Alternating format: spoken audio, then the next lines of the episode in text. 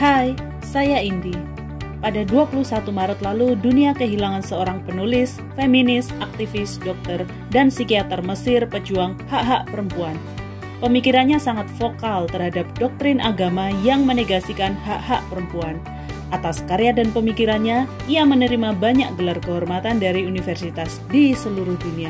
Pada tahun 2020, majalah Time menobatkannya sebagai salah satu dari 100 Women of the Year dan mendedikasikan sampul depan untuknya, Nawal El Sadawi.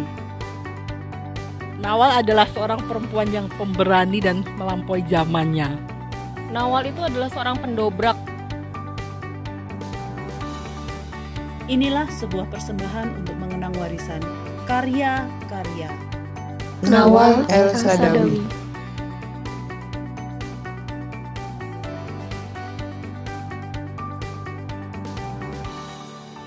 Evening Break kali ini menghadirkan sahabat-sahabat saya yang tergabung dalam komunitas Klub Buku. Halo, aku Tiwu dan lagi mengembangkan Lejar Studio untuk foto-foto. Teman-teman bisa berkolaborasi dan suka ngewal kain lewat EcoPrint. Nama saya Fitri. Saya owner clothing yang mereknya Biwas. Selain itu, saya juga fasilitator untuk isu gender dan feminisme. Saya Nina, saya owner Nina Noci. Nina Noci itu toko buku anak dan provider workshop anak. Di follow ya Instagramnya @ninanoci.id. Halo, gue Rara, anggota jauh klub buku yang pengen ikutan diskusi Nawal. Gue bilang jauh karena gue di Jakarta dan temen-temen lainnya ada di Jogja. Sebenarnya jauh deket relatif sih ya, karena kita sharing passion yang sama, sama-sama suka baca buku. Jadi seberapa pun jaraknya itu bikin kita ngerasa deket aja. Kepergian Nawal El Sadawi menyisakan kesan tersendiri. Karena sahabat-sahabat saya ini juga adalah aktivis-aktivis perempuan yang banyak terinspirasi dari karya-karyanya. Podcast ini edisi reuni karena tak terasa sudah 10 tahun komunitas ini baca buku bareng. Kali ini kami akan membedah buku-buku karya Nawal El Sadawi. Gue hampir suka semua bukunya. Agak susah untuk menjawab buku apa yang gue sukai, yang gue paling sukai dari karya-karya Nawal. Karena dari kebanyakan karya-karyanya dia, uh, mau itu novel atau esai, ngomong soal yang kita hadapin juga di Indonesia. Yang memang fokus baca di bukunya itu baru dua sebenarnya, memoir seorang dokter perempuan sama ya perempuan di titik nol. Gitu. Cuma dari dua buku itu kita tuh dibikin terhenyak atas fenomena yang terjadi pada perempuan. Baca buku itu tuh kayak sedih, terus marah. Bahkan ada yang nggak bisa menyelesaikan baca buku itu karena nggak kuat gitu dengan ceritanya ini novel dan fiksi tapi karya-karya Nawal itu kan dia berdasarkan inspirasi dari realita yang ada. Bagaimana kemudian perempuan itu dinistakan bahkan sampai ke titik nolnya kemanusiaannya itu kayaknya sudah gak ada gitu ya. Kayaknya kemudian menghenyaan kita mengingatkan kita bahwa ya dari dulu ternyata ketidakadilan terhadap perempuan itu ada.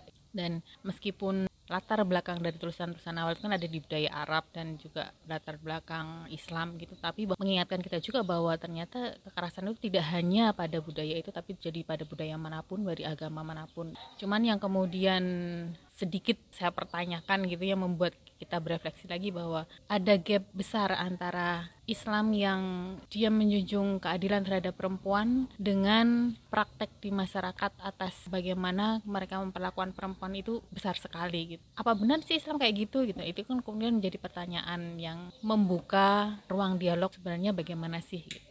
Sebenarnya aku baru baca perempuan di titik nol aja sih. Cuman dari dulu tuh sebenarnya pengen baca ini memoir seorang dokter perempuan, cuman nggak dapat dapat bukunya yang paling berkesan tuh sebenarnya keberanian si tokoh Firdausnya ini sih untuk menentang hal-hal yang terjadi pada dia sebagai seorang perempuan. Kan dia memang sudah sadar kan sebenarnya dari awal bahwa perempuan itu dibedakan gitu. Dan ada burden-burden tertentu yang dikenakan kepada perempuan sehingga dia tidak bisa maksimal berperan sebagai manusia gitu kan ataupun sebagai warga negara. Nah, sebenarnya yang berkesan adalah dia berani menentang itu semua di tengah masyarakat yang masih punya cara pandang dan pola pikir seperti itu gitu. Dan kalau direfleksikan ke kehidupan yang sekarang sih ya itu memang mengena banget. Jadi aku pikir keberanian itu memang harus kita miliki bahkan di masa sekarang gitu. Karena hal yang sudah terjadi beratus-ratus tahun sejak dari dulu zaman dahulu kala itu pasti masih akan terjadi di masa depan gitu. Bukannya pesimis akan gerakan perempuan ya, cuman mengubah budaya atau mengubah nilai yang sudah ada sejak lama kan sulit gitu. Jadi yang dibutuhkan memang sedikit keberanian untuk melawan itu dulu pertama kali aku baca bukunya Nawa yang perempuan di titik nol ya itu hidupku rasanya langsung suram gitu. Aku tuh masih inget banget aku tuh sampai berhari-hari tuh kayak moodnya anjlok seanjlok anjloknya dan cuman di kos-kosan tuh kayak marah sedih sebel takut galau gitu-gitu tuh sampai bener-bener berpengaruh banget ke aku waktu itu. Karena kan waktu itu aku belum terlalu banyak tahu soal isu ini ya. Kalau sekarang mungkin setelah itu jadi lebih banyak tahu jadi lebih bisa menjelaskan dan memahami apa sih sebenarnya yang terjadi terkait dengan isu perempuan kan kita sekarang udah lebih banyak tahu lah penjelasannya tapi waktu itu ketika aku 19 tahun kan nggak tahu. Jadi kayak tiba-tiba langsung diberak gitu loh. Suatu kenyataan atau suatu narasi yang begitu dahsyat gitulah tentang kekerasan terhadap perempuan tentang ketidakadilan terhadap perempuan. Ya waktu dua hal ya. Yang pertama tuh kayak menjelaskan beberapa hal dan membuka sesuatu yang kayak langsung terpampang itu membuat aku sangat galau. Tapi ya di sisi lain itu kayak memberi penjelasan-penjelasan awal gitu ya. Karena kan akhirnya mendapatkan penjelasan yang lebih lebih sistematis komprehensif tentang kekerasan terhadap perempuan. Dari bukunya Nawal tuh kayak penjelasan awal yang membuka jalan gitu loh. Walaupun perempuan di titik nol kan menceritakan si Firdaus itu kan dia hidup di Mesir awal tahun 80-an kan. Aku baca kan hidup di Indonesia awal tahun 2000 nah tapi aku tuh tetap merasakan bahwa ini tuh konteksnya tuh tetap dapat untuk Indonesia gitu. Walaupun itu kan novel ya pada saat itu ketika membacanya pun aku juga berpikir ini tuh bukan fiksi ini ini tuh beneran memang kayak gini. Baik di Mesir maupun di tempat-tempat lain di dunia termasuk di Indonesia dengan bentuk dan frekuensi yang berbeda. Buku terakhir yang gue baca perjalananku mengelilingi dunia. Sebelumnya gue udah pernah tamat nih baca buku ini. Tapi nggak bosan aja gitu buat ngulang karena merasa memang punya kedekatan pengalaman. Jadi karena pekerjaan gue juga sama-sama harus traveling ke sejumlah tempat. Mau itu di kota-kota di Indonesia maupun di luar Indonesia. Dan dan mau nggak mau dan memang itu yang jadi dan memang itu yang jadi perhatian gue gue ngeliat yang paling banyak gue lihat adalah gimana sih kehidupan perempuan-perempuan uh, di lingkungan tempat gue tinggal. Pertama tempat itu bukan sekedar wilayah geografis ya karena dia mengandung unsur kultur, sistem sosial, kondisi politik atau ekonomi yang membentuk tanda kurungnya konsep diri perempuan. Secara personal, pengalaman ini mengajak gue buat jadi lebih sadar diri. Nawal cerita waktu dia datang ke sebuah konferensi perempuan di Finlandia, dia satu ruangan sama perempuan hebat dari Afghanistan yang e, mati-matian memperjuangkan hak perempuan untuk mendapatkan pendidikan dia mengambil resiko datang ke konferensi internasional supaya persoalan mereka ini didengerin dan mendapat dukungan dari dunia. Kita semua tahu dong, Afghanistan itu negara konflik, penguasanya insecure kalau perempuan mendapatkan pendidikan. Nah, buat ngedapetin hak dasarnya aja nih, perempuan harus menghadapi risiko diculik, disiksa, atau bahkan dibunuh. Ini ngingetin gue pada pengalaman waktu gue ke Ambon. Konteksnya sama, sama-sama tentang perempuan di wilayah konflik Bedanya adalah perempuan di sana di Ambon, mereka membuka pasar di perbatasan wilayah dua kubu yang lagi perang sebagai bentuk perjuangan mereka. Laki-lakinya angkat senjata, sementara perempuannya tetap harus bertahan hidup dong. Nah mereka itu bertahan hidup bukan cuma buat dirinya sendiri, mereka bertahan hidup buat keluarganya, buat anaknya, dengan cara menyediakan makanan. Dan karena di satu wilayah tidak selalu menyediakan kebutuhan makanan, misalnya ada satu wilayah yang dia cuma menghasilkan sayur, sementara wilayah yang di daerah pantai dia punya ikan gitu. Jadi saat-saatnya jalan ya buka pasar, bertukar bahan makanan dengan kelompok perempuan lain meskipun satu sama lain sedang berperang. Nah, siapa sangka dalam upaya memenuhi kebutuhan dasar ini dan strategi pemilihan tempat di wilayah perbatasan itu malah jadi cikal bakal perdamaian sama-sama perempuan di dua wilayah, meskipun konteksnya sama di wilayah konflik, tapi mereka merespon dengan cara yang berbeda karena resource dan sumber daya yang memungkinkan di situ itu disesuaikan dengan yang mereka punyai.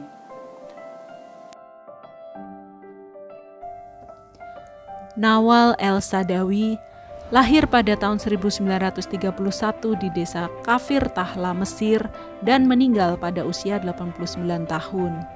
Meskipun latar belakangnya memiliki orang tua yang cukup moderat pada zamannya, hidup di budaya yang sangat patriarki membuat Nawal mengalami berbagai ketidakadilan sejak usia dini. Di usia enam tahun, ia mengalami female genital mutilation. Dan pada usia 10 tahun, keluarga besarnya hendak menikahkannya. Namun dia menolak dan dibela orang tuanya. Sejak kecil ia sudah sadar, anak perempuan kurang dihargai daripada anak laki-laki. Suatu hari neneknya mengatakan bahwa seorang anak laki-laki berharga setidaknya 15 perempuan dan perempuan adalah penyakit busuk. Ketika membaca karya itu sih ya karena aku mengenal feminisme itu bukan dari bukan karena membaca buku ini. Jadi ketika membaca buku itu pun aku sudah sedikit banyak berkecimpung di dunia itu. Jadi kalau pas baca buku itu jadi ya oh iya ya memang begini sih. Iya memang begini sih jadi kayak gitu tuh loh. Hal lain yang gue suka dari buku ini perjalananku mengelilingi dunia ini agak beda sama karya-karyanya Nawal yang lain ya. Pertama bentuknya esai. Nawal pakai sudut pandang orang pertama. Sekilas dia tampak less ambitious, less radikal, dan lebih deskriptif aja. Dia cerita misalnya gimana dia mengagumi perempuan-perempuan yang datang ke konferensi internasional ini. Terus dia nggak naif juga gitu. Misalnya dia ngelihat ada tensi, ketegangan antara satu perempuan dengan perempuan yang lain. Gimana misalnya perempuan-perempuan di Eropa ngelihat perempuan Israel. Dan mereka dilihat sebelah mata meskipun sama-sama aktivis. Nah itu kan terjadi juga ya di Indonesia. Dan ini jadi kayak kurang kencang apa gitu Nawal sebagai aktivis. Tapi dia tetap punya self conscious auto refleksi bahwa kenyataan ini harus diterima dengan lapang dada. Dan itu terjadi di seluruh belahan bumi gitu. Jadi banyak persoalan-persoalan lain yang beda tapi sama sama tapi beda beda konteks gitu mungkin.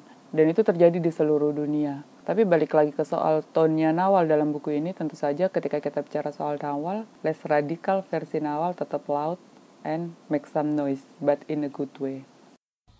Saya membaca Nawal ini kan sebenarnya di tengah saya sudah bersinggungan dengan ini ya apa isu kekerasan isu perempuan isu gender feminisme gitu. Tapi kemudian tulisan awal ini membuat berefleksi lagi bahwa ya kekerasan ini terjadi di mana pun dan sudah menjadi hal yang struktural sistemik tidak lagi terjadi pada satu dua orang tapi terjadi di banyak kalangan gitu. Dari dulu sampai sekarang itu juga masih terjadi. Meskipun bisa jadi bentuknya sama bisa jadi bentuknya berbeda tapi tetap nama apa namanya tetap ketidakadilan ketidakadilan.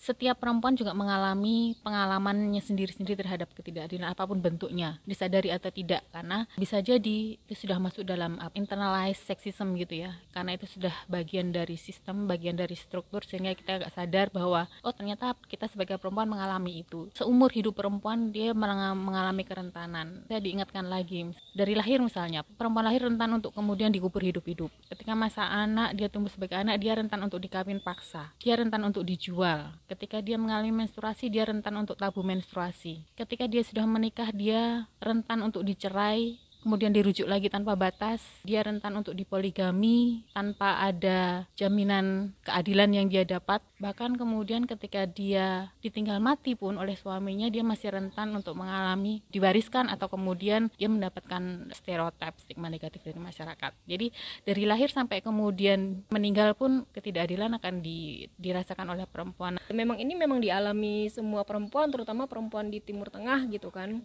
kalau kota di sini ya sama aja sih. Laki-laki melihat perempuan sebagai objek laki-laki melihat uh, tubuh perempuan itu sebagai milik laki-laki yang harus diatur cara berpakaiannya seperti apa bisa diperlakukan sebagai seperti apa pun yang mereka inginkan. Terus ketika si perempuan ini masih kecil pun sudah harus disiapkan untuk memuaskan dalam tanda kutip si laki-laki gitu.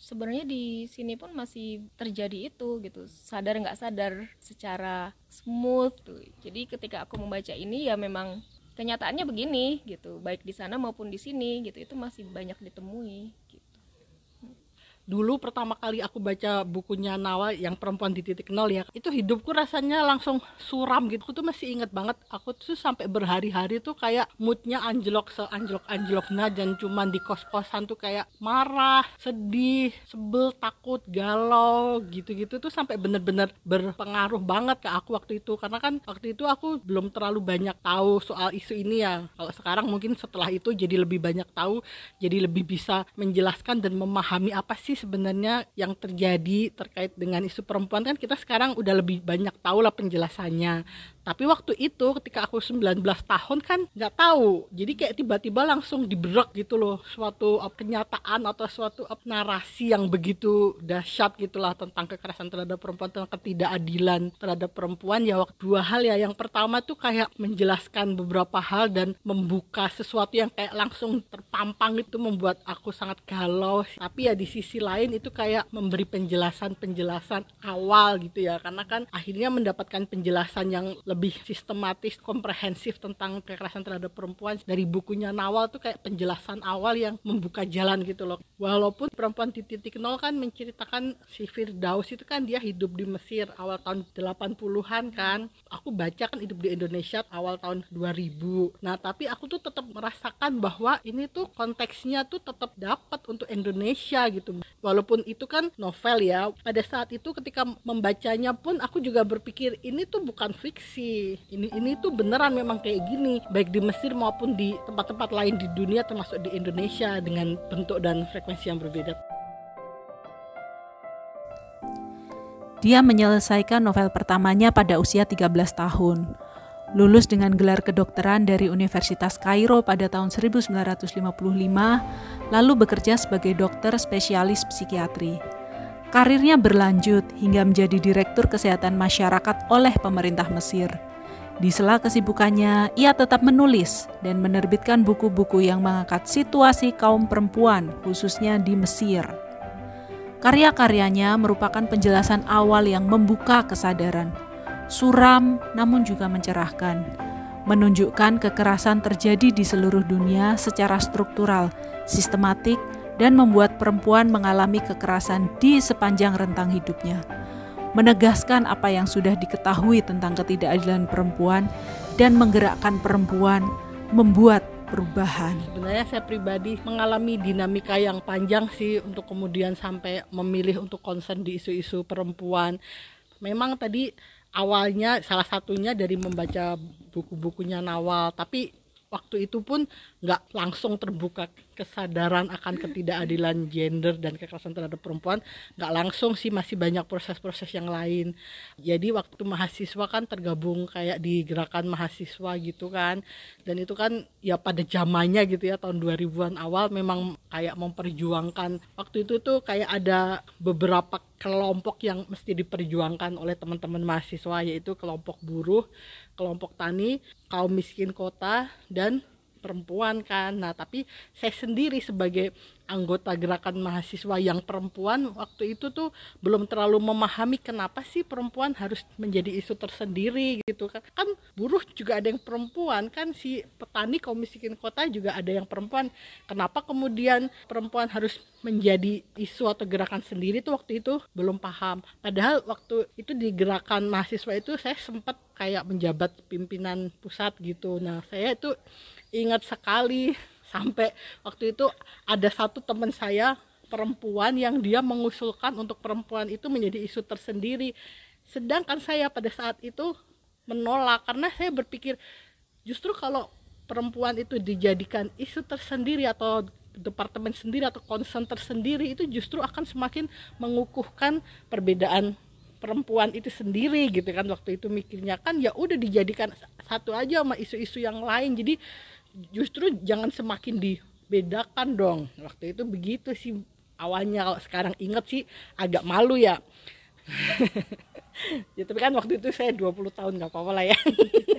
Mem membela diri. Terus ke sini ke sini akhirnya saya sadar bahwa perempuan itu dia ada situasi tertentu yang sudah diperoleh dari sejak dia lahir bahwa dia itu mengalami ketidakadilan ketidaknyamanan dan bahkan kekerasan tuh hanya karena dia perempuan.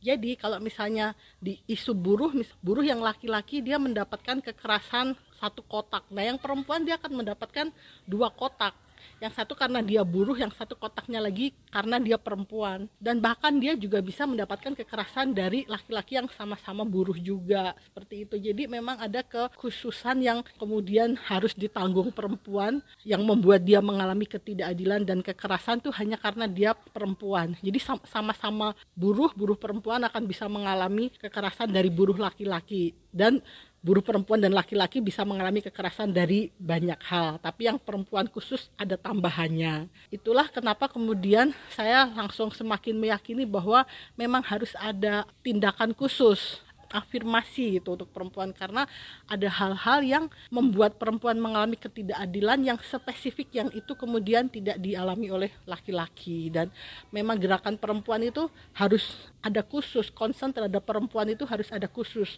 Walaupun tidak berarti yang terlibat di situ hanya perempuan saja.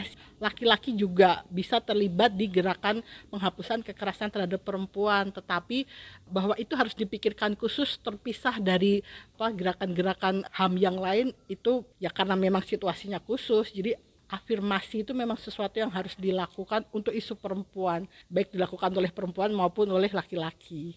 Oh iya jelas, karena saya terinspirasi oleh keberanian si Firdaus ini dan saya terinspirasi akan betapa dia tidak merasa bersalah gitu loh, dia membela diri, membela apa yang menjadi haknya gitu. Jadi aku pikir yang hal terkecil yang bisa aku lakukan saat ini um, adalah menularkan keberanian itu kepada perempuan-perempuan yang lain gitu, yang ada di lingkungan gitu. Kebetulan ya pernah lah gitu kan ada di posisi di mana uh, harus memutuskan sesuatu gitu. Dan kebetulan waktu itu juga isunya uh, nyerempet-nyerempet isu perempuan gitu. Jadi memang sulit gitu ya untuk menularkan keberanian itu kepada para perempuan yang sebelumnya memang tidak pernah tahu uh, isu ini. Kemudian dari sejak kecil juga nilai-nilai yang tertanam bahwa perempuan harus diam harus nurut harus manut. Opo-opo wes manut wae gitu wes manut bojone wae gitu. Aku ngikut bojoku wae gitu sedangkan sebenarnya kan manusia itu terdiri dari eh, laki-laki uh, perempuan dan jenis kelamin yang lain. Jadi perempuan itu juga adalah manusia. Punya pendapat sebetulnya punya opini yang dia juga ingin ungkapkan gitu. Jadi uh, eh, PR-nya adalah di situ, apa namanya menularkan keberanian untuk mengeluarkan pendapat itu dulu yang paling kecil gitu dan tidak merasa bersalah atas itu. Karena ya ini pendapatku gitu. Terus uh, kamu mau punya pendapat yang lain juga nggak apa-apa. Yang penting itu adalah pendapatku dan aku punya alasan untuk mengeluarkan pendapat itu gitu. Juga mungkin uh, menyelipkan beberapa mainstreaming uh, gender ini di banyak hal yang saya lakukan gitu. Kayak misalnya menyelipkan eh, isu-isu tentang uh, pengasuhan anak perempuan uh, menyelipkan soal tips-tips parenting gitu untuk membesarkan anak perempuan yang berdaya seperti apa gitu. Dia kayak semacam pengen ngajak bahwa dengan mengelilingi dunia dan bertemu dengan perempuan-perempuan lain dari latar belakang kultur sosial politik lain, sesungguhnya kita tuh diajak untuk pulang dan mengunjungi diri kita sendiri, ngeliat lagi gimana diri kita dibentuk dan persoalan-persoalan dalam diri dan sekeliling lingkungan terdekat kita. Setelah kita berefleksi tentang gimana kita dibentuk dan persoalan-persoalan di sekitarnya, kita bisa pertolak dari situ dan jadi punya catatan perjalanan kita sendiri. Jadi lebih tahu mau berbuat apa. Tentunya ada ya. Diingatkan lagi dari cerita yang di memoir seorang dokter perempuan itu ya. Jadi dia bercerita bahwa masa itu sangat berbeda sekali perlakuan antara anak laki-laki dan anak perempuan gitu. Kemudian dia tahu bahwa ada satu profesi yang kemudian dihormati oleh keluarganya yaitu seorang dokter. Nah, dengan bahwa dia tahu oh menjadi seorang dokter itu sangat dihormati. Dan dia akhirnya oke okay, saya mau menjadi dokter. Meskipun saya perempuan saya akan menjadi dokter. Didukung oleh tadi bahwa keluarganya yang moderat gitu akhirnya dia kemudian uh, menjadi dokter. Dan dia merasa bahwa ya aku harus meskipun aku perempuan aku harus terjun untuk kemudian meningkatkan derajatnya perempuan ini. Meskipun ketika dia masuk di fakultas kedokteran itu pun banyak sekali kemudian ketidakadilan atau kemudian diskriminasi yang dia terima gitu ya karena dia berada di lingkungan laki-laki dan dia sendiri yang perempuan dan ini kembali mengingatkan bahwa sebagai seorang perempuan untuk membangun kesetaraan, menghilangkan diskriminasi, itu ya perempuan harus terjun langsung gitu juga. Mungkin perjuangan menuju kesetaraan apa menghabis ketidakadilan itu juga masih jauh ya dari kata dari kata akhir gitu ya. Dan saat ini terus diperjuangkan termasuk oleh kita sebagai perempuan gitu. Dan meskipun masih apa pengetahuan itu sudah berkembang gitu tapi kemudian mulai muncul kesadaran bahwa laki-laki dan perempuan itu adalah sama gitu ya. Mereka adalah sama-sama manusia yang kemudian harusnya sama-sama diperlakukan secara manusiawi. Ini kan titik berat kesadaran atas kemanusiaan keduanya dan ini yang kemudian dijadikan sebagai titik balik juga bahwa bagaimana kita harus adil, adil sejak dalam pikiran, kemudian perkataan dan perbuatan gitu. Dan bagaimana juga kemudian sekarang ini apa yang saya lakukan terutama ya apa yang saya yang saya lakukan yang kita sebagai perempuan lakukan menitik beratkan atau menggunakan bagaimana feminisme itu. Feminisme ini kan untuk semua orang dan digunakan sebagai salah satu alat untuk perlawanan terhadap penindasan. Dimulai dari penindasan struktural atas perbedaan jenis kelamin gitu. Nah ini yang mulai juga kita gunakan termasuk membangun sisterhood bagaimana kekuatan e, persahabatan perempuan ini yang patriarki kemudian mendominasi melalui menciptakan kompetisi-kompetisi terhadap perempuan kompetisi antar perempuan gitu ya. Nah, bagaimana kemudian perempuan sendiri melawan uh, itu melalui sister sisterhood ini? Bagaimana kita membangun kekuatan, bergerak bersama? Bisa jadi masing-masing perempuan secara individu bisa bergerak, tapi akan lebih kuat jika kemudian kita bersama. Dan begitulah Nawal menginspirasi para perempuan. Semasa hidupnya, ia telah menulis lebih dari 24 buku dalam bahasa Arab. Akan tetapi karya-karyanya disensor dan buku-bukunya dilarang di Mesir. Pada tahun-tahun berikutnya, dia menerima ancaman pembunuhan dari fundamentalis agama, dibawa ke pengadilan, dan akhirnya diasingkan di Amerika Serikat. Karena karya-karyanya, ia mengalami pemecatan, pemberedelan majalah, bahkan masuk penjara dengan tuduhan menyebarkan ajaran sesat. Nawal itu perempuan yang pemberani, pelopor, pemberi inspirasi yang dia tidak takut apa pun demi perjuangan untuk kaumnya. El Sadawi menghabiskan tahun-tahunnya di Kairo bersama dengan putra dan putrinya. Di hari kematiannya, akun Twitter resminya mengunggah cuitan, "Aku akan mati dan kamu akan mati. Yang penting adalah bagaimana hidup sampai kamu mati." Yang bikin jarak antara Indonesia Mesir itu nggak ada apa-apanya karena gue dan Nawal sih dari yang dia tulis itu kita sharing concern yang sama tentang isu-isu perempuan. Berbagai kecaman tak menyurutkan semangatnya untuk menyuarakan hak-hak perempuan. Melalui cerita teman-teman klub buku, semangat itu telah terwariskan melalui karya-karyanya. Selamat jalan dan terima kasih Nawal El Sadawi. Saya Indi untuk Evening Break. Thank you for listening. See you.